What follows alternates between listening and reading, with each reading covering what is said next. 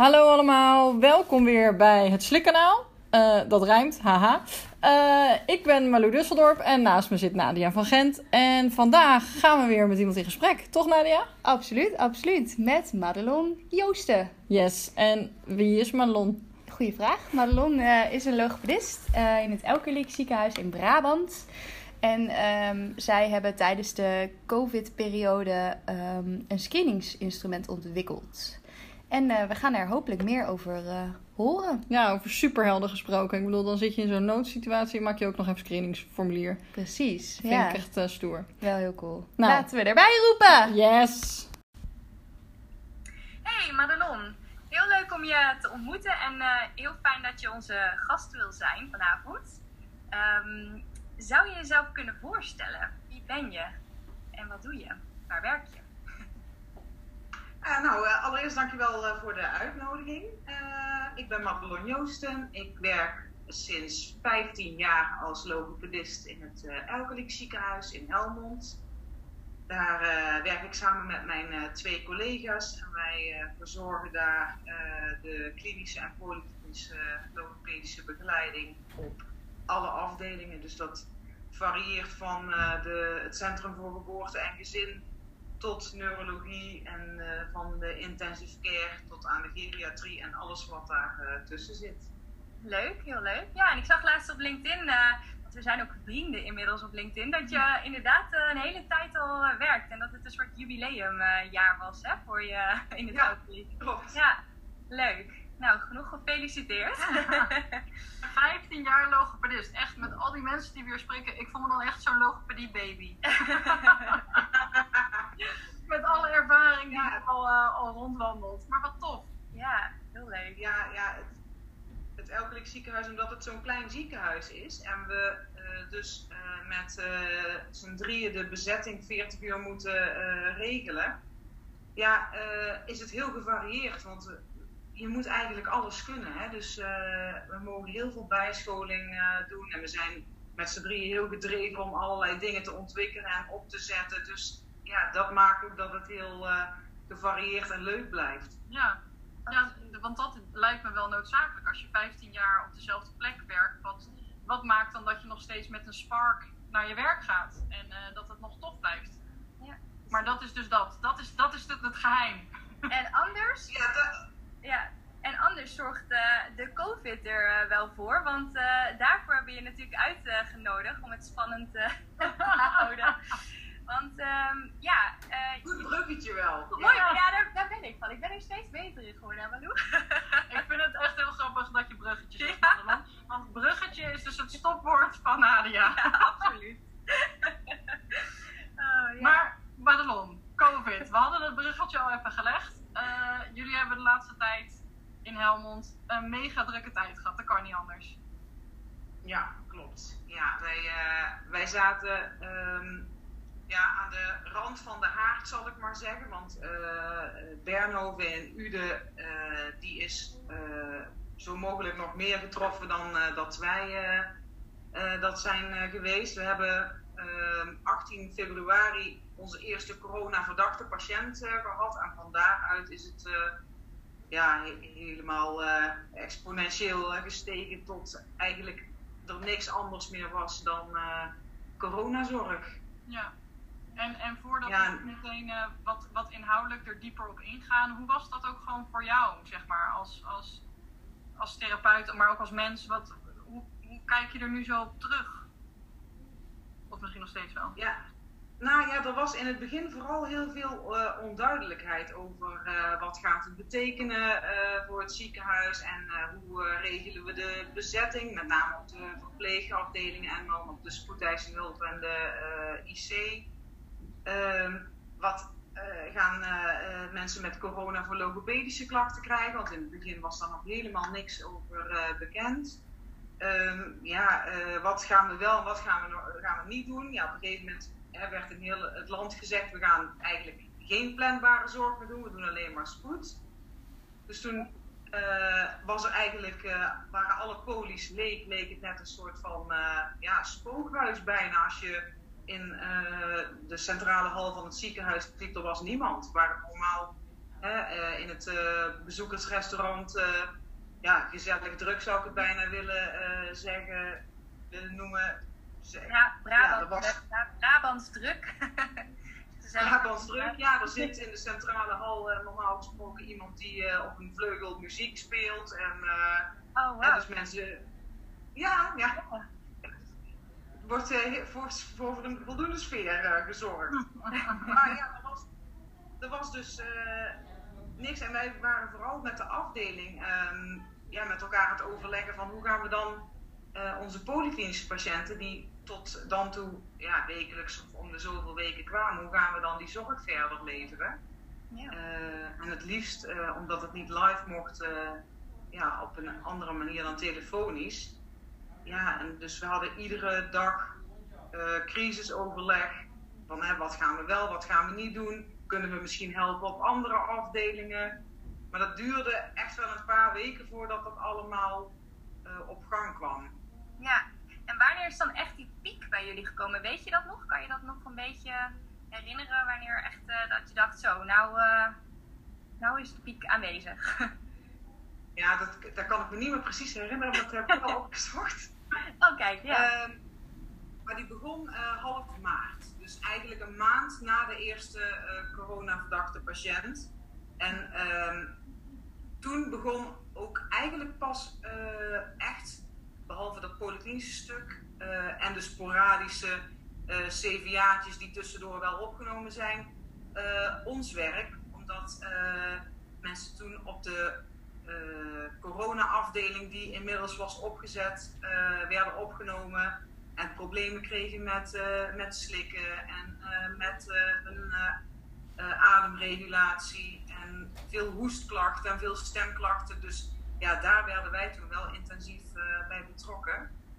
En, en, hoe hebben jullie dat dan? Want jullie worden daar dan wat meer bij betrokken. En ik, ik, kan, ik merkte zelf dat toen, toen waar ik dan werk, toen de, de golf wat hoger werd, dat je dan toch ook een soort behoefte krijgt van ja, en wat, hè, ik, wat ga ik nu dan doen? En is er iets van een richtlijn? Of hoe, hoe hebben jullie dat als team ook opgepakt?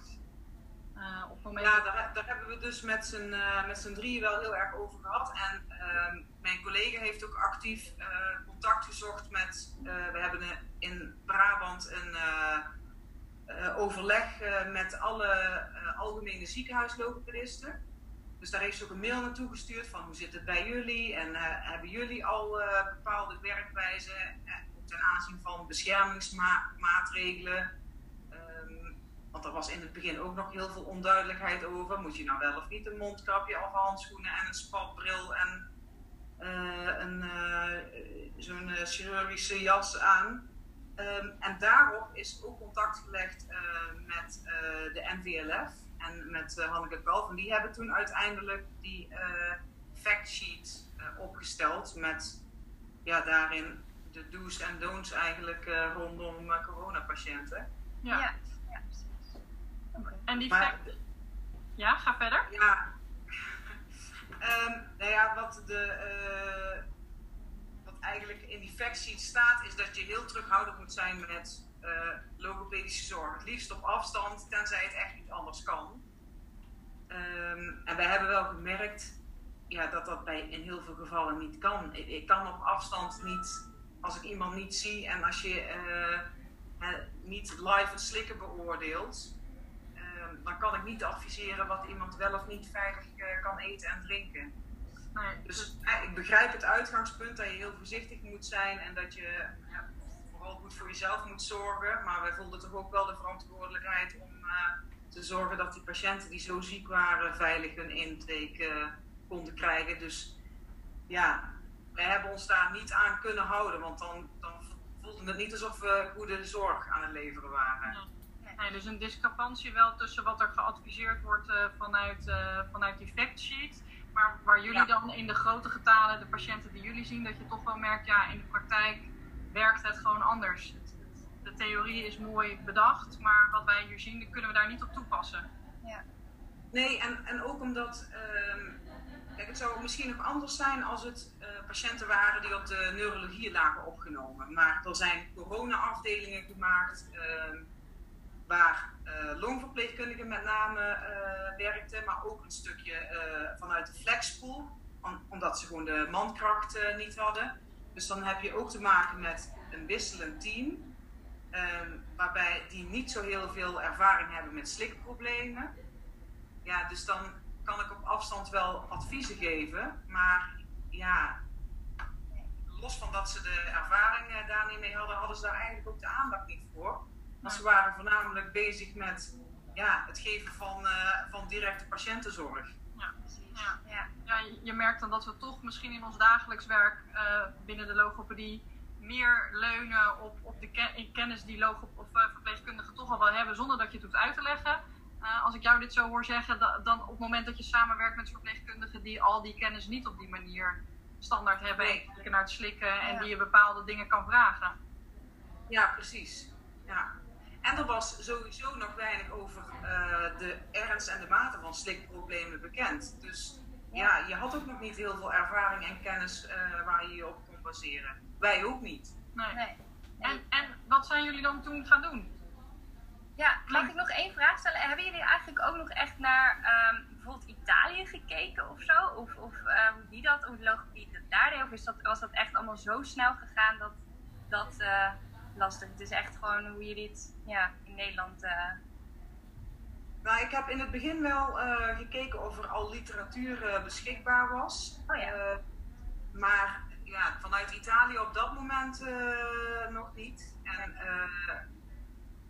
ja, ik geloof zelfs dat internationaal uh, bepaalde richtlijnen zijn samengesteld waarin de factsheet van de NVLF juist uh, genoemd wordt. Dus ik geloof dat we ah, in ja. best vlot waren ja, ja. daarmee. Absoluut, ja.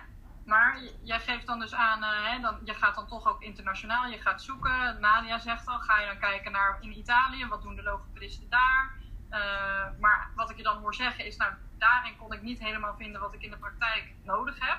Dus je conclusie is dan, ik ga zoeken, maar ik vind niet uh, de informatie waar ik naar op zoek ben. Wat, wat hebben jullie gedaan dan als team? Wel met die patiëntengroep, ik moet hier wat mee. Ja, want nu zoek jij denk ik het bruggetje naar hoe we jou ook hebben ontdekt. Via LinkedIn zagen wij natuurlijk een screeningsinstrument waar we op doelen. ja.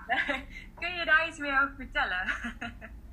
ja, zeker. Ehm, ja, we hebben geprobeerd om om wat meer kennis dus te, uh, te ervaren en uh, te vergaren ook. Om te kijken, waar, wat zien we nou allemaal aan, uh, aan klinische logopedische stoornissen? En toen kwamen we er al gauw bij uit dat, los van de slikstoornissen, dat de meeste mensen ook ademdysregulatieproblemen hadden, veel hoestklachten.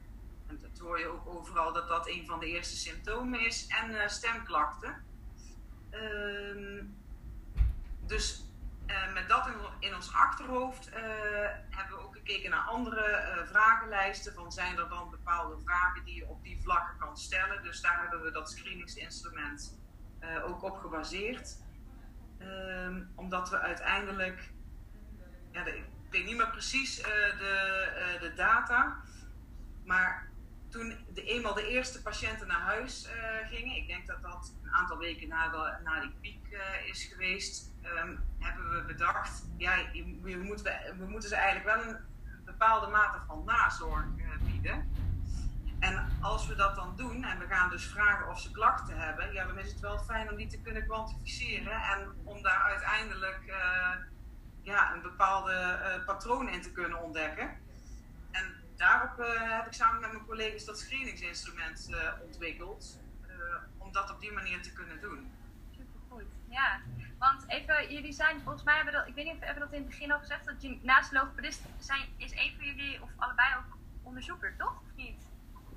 Ja, ik ben uh, ook uh, klinisch gezondheidswetenschapper. Ah, ja. Dus daar kwam eigenlijk een beetje ook de onderzoeker weer in je naar boven, om dat uh, op die manier te onderzoeken en vast te leggen in een, in een document.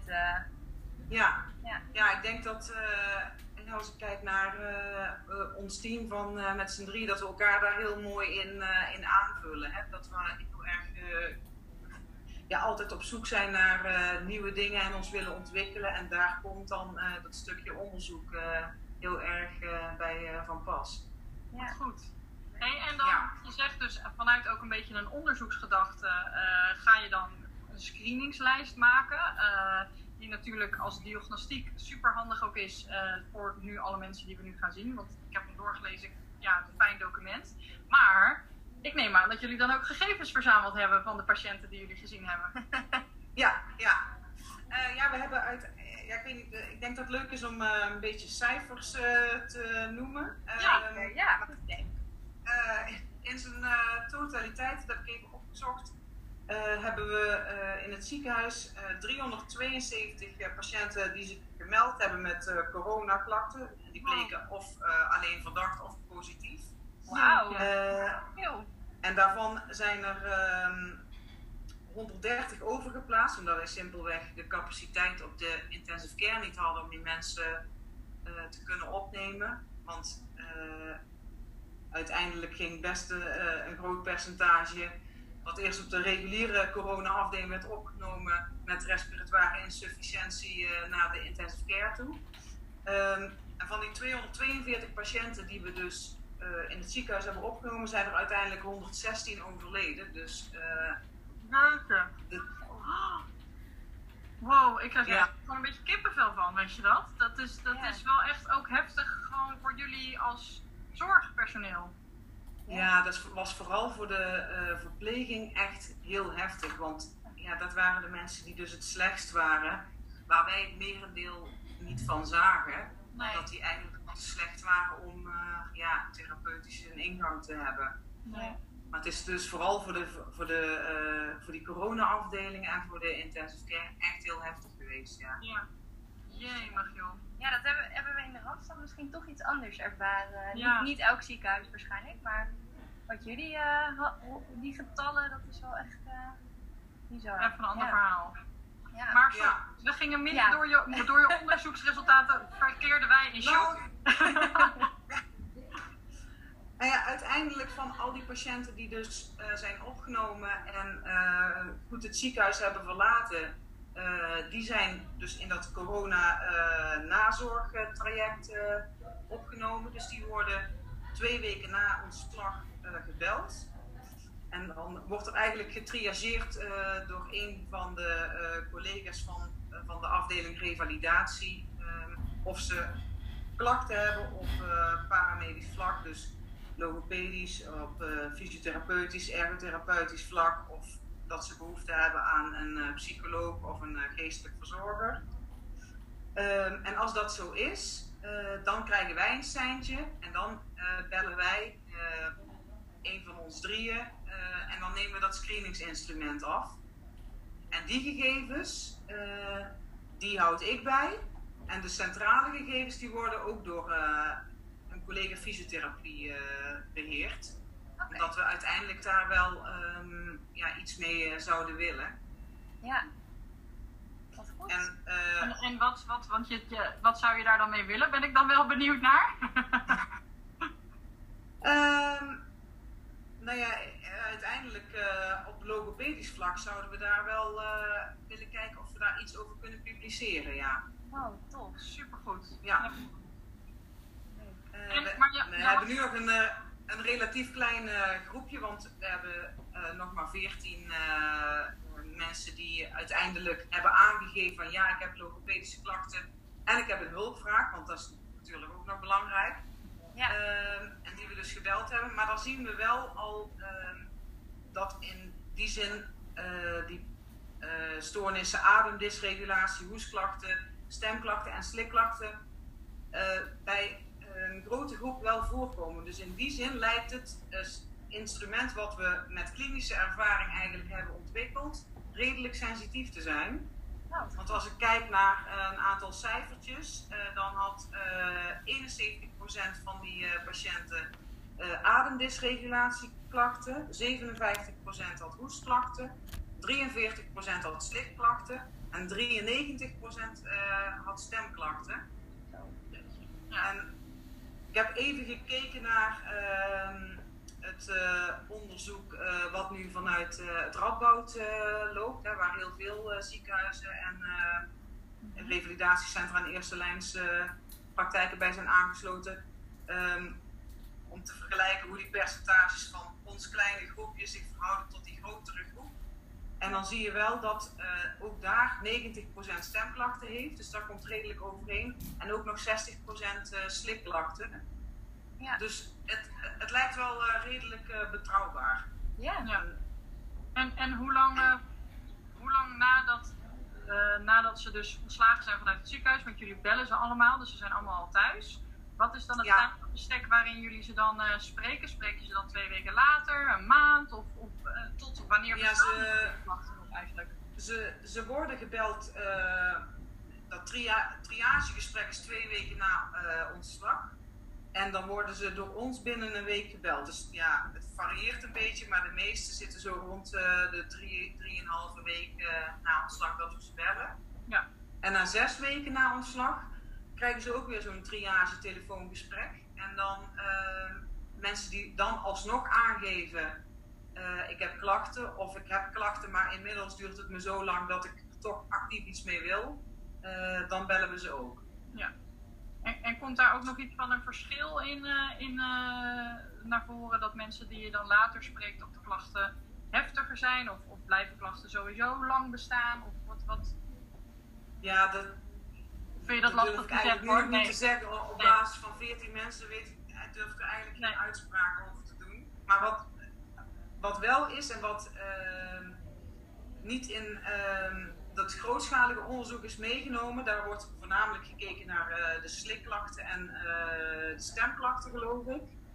Dat die ademdysregulatie en hoesklachten echt een heel groot en veel voorkomend probleem zijn. Ja.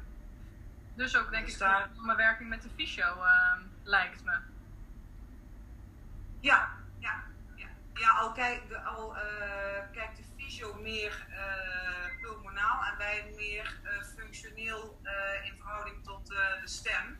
Ja, ja, absoluut. Dus dat ligt er maar net ook aan wanneer iemand die klachten ervaart. Als dat meer conditioneel uh, is, hè, moeite met diep doorademen, dan komt het meer bij de fysiotherapeut terecht. Maar als het echt een combinatie is met, met stemgeven, dan is het ook meer voor ons.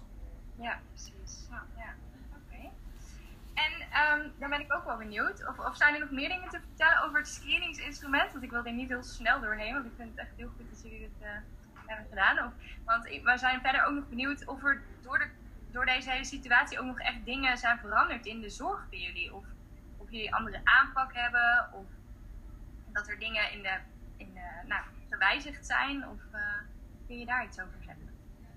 Uh, ja, we waren als ziekenhuis sowieso al bezig met uh, zorgvernieuwing. Hè? Dus de, anders kijken naar de zorg. Hoe kan het efficiënter en anders ingedeeld worden. Maar dan blijkt het ziekenhuis toch best wel een logge organisatie. Uh, waar dingen al jaren op een bepaalde manier gaan. En dan is het ontwikkelen daarvan heel lastig. Uh, maar met de komst van corona zijn bepaalde dingen wel in een stroomversnelling geraakt. Wij wilden als logopedisten al jaren videobellen. En dat kon steeds niet, want daar hadden we of het materiaal niet voor of de tarieven. Dat, dat, was dan was ingewikkeld om dat te regelen. En dat kan nu wel, want mensen mochten zeker in het begin niet naar het ziekenhuis komen. Maar hadden wel begeleiding nodig. Dus ja, binnen no time konden we ineens met allemaal mensen videobellen. Wonderlijk, hè? Hoe dat ineens dan kan. ja, zeker. Ja, nou, en de ervaring leert dat ons vak zich daar eigenlijk heel goed voor leent uh, bij uh, sommige problemen. Ja. En, en inmiddels is het fijn dat je uh, de keuze hebt tussen laat je iemand live komen, ga je video bellen of doe je een telefonisch consult.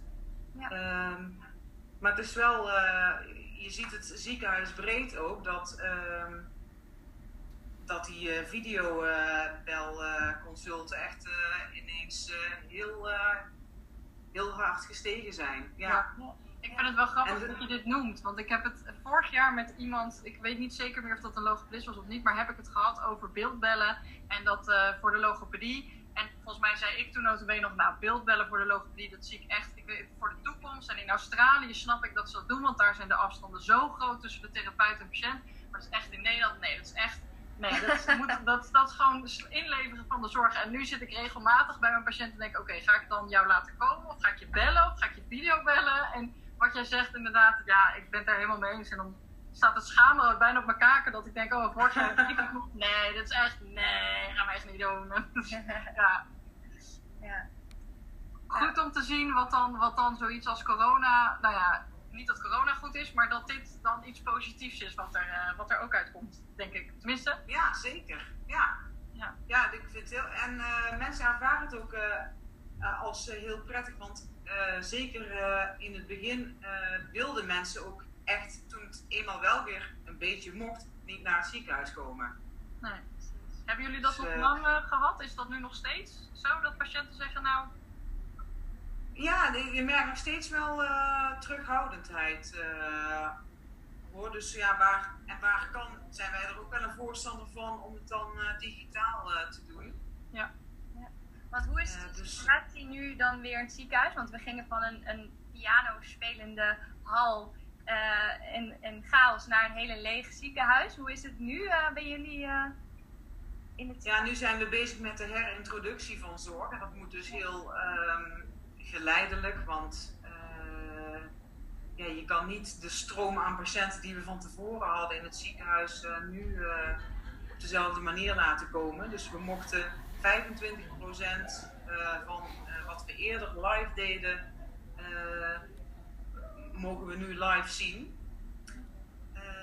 waarbij alle wachtkamers zijn aangepast en er overal stickers op de vloer geplakt zijn met dat daar moeten de stoelen in de uh, spreekkamer staan om voldoende afstand tussen uh, jou en de patiënt uh, te waarborgen. Um, ja, dus bepaalde overleggen die konden niet op een normale manier doorgaan. En dan moet je ook anderhalve meter afstand bewaren. Ja. Dat zal voor jullie in jullie werk niet anders zijn. Veel vergaderingen in de gymzaal heb ik gehad. Ja, nou die hebben wij in het begin ook gehad, ja. ja. ja, ja. En, en is, het nu, uh, is het nu nog zo druk dan ook? Ja, sorry, ik, ik uh, val even in. Maar is het nu nog vol bij jullie in huis? Met corona? Nou, nee. Met, uh, met, ja, ik weet de precieze cijfers niet. Maar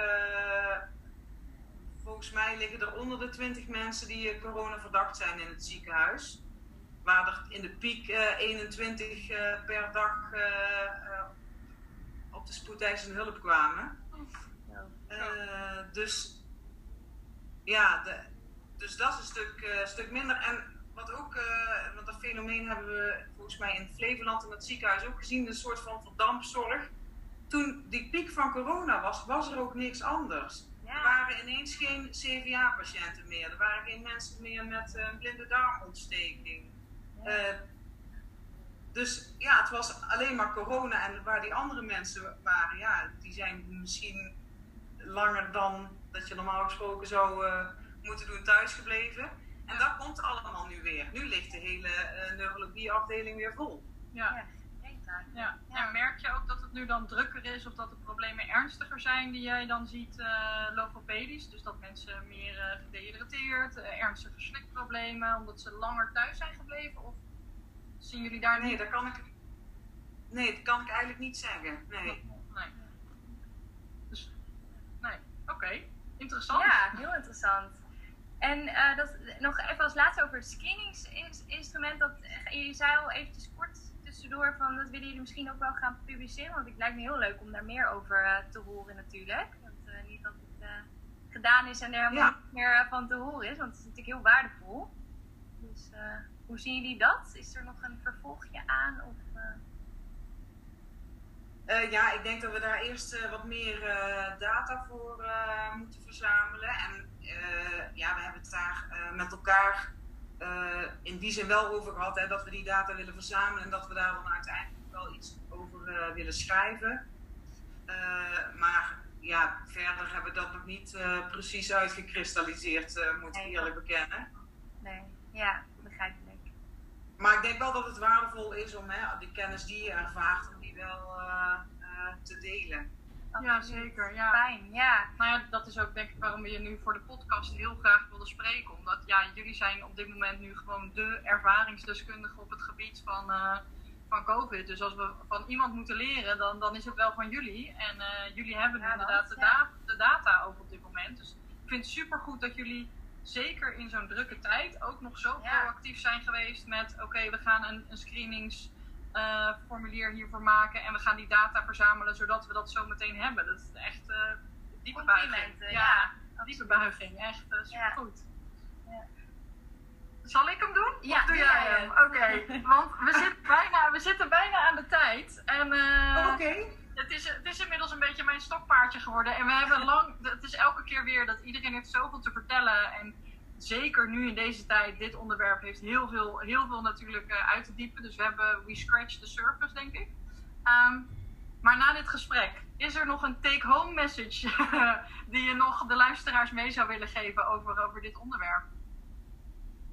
Um, ja, een beetje wat ik net ook al heb genoemd. Uh, bij uh, coronapatiënten heb naast de stem- en de slikklachten ook aandacht voor die uh, ademdysregulatie en die hoestklachten die mensen ervaren. Ja, dat dat wel echt iets is wat jullie veel terug horen, ook eh, als jullie ja. over podium mag spreken. Ja. ja. ja. Ja, dat vind ik wel, uh, vind ik persoonlijk ook wel heel ja. fijn om, om mee te nemen en te weten. Want nu jij dit zo benoemt, denk ik, oh ja, daar, daar, ik was daar niet zo kritisch op als, als ik nu deze cijfers lees, denk ik, oh wacht even. Ja, absoluut. Ja.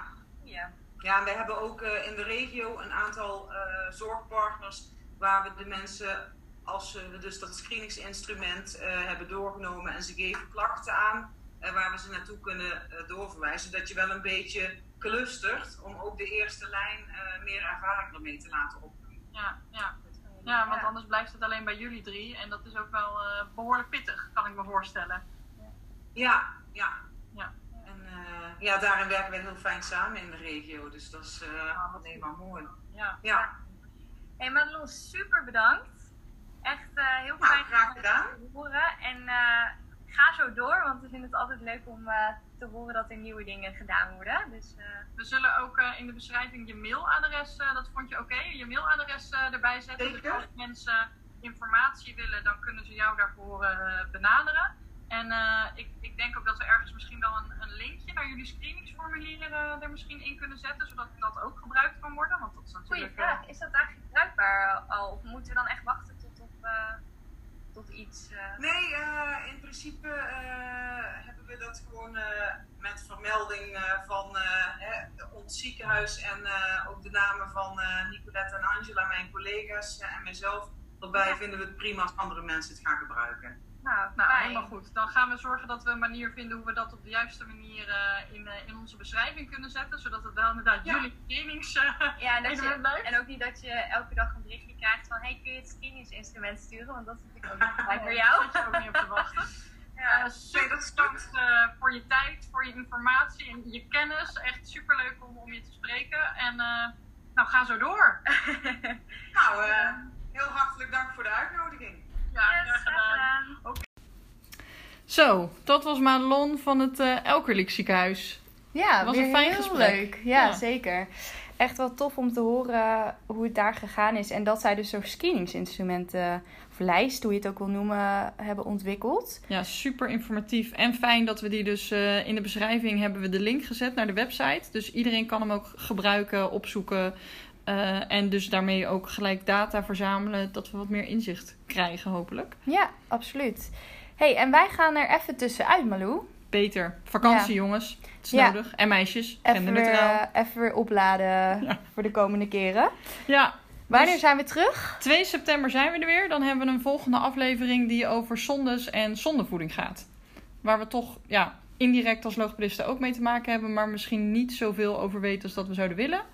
Dus uh, 2 september staat die online. En tot die tijd uh, denk ik uh, een hele fijne vakantie gewenst. Ja, allemaal fijne vakantie. Toedeloe! Doei!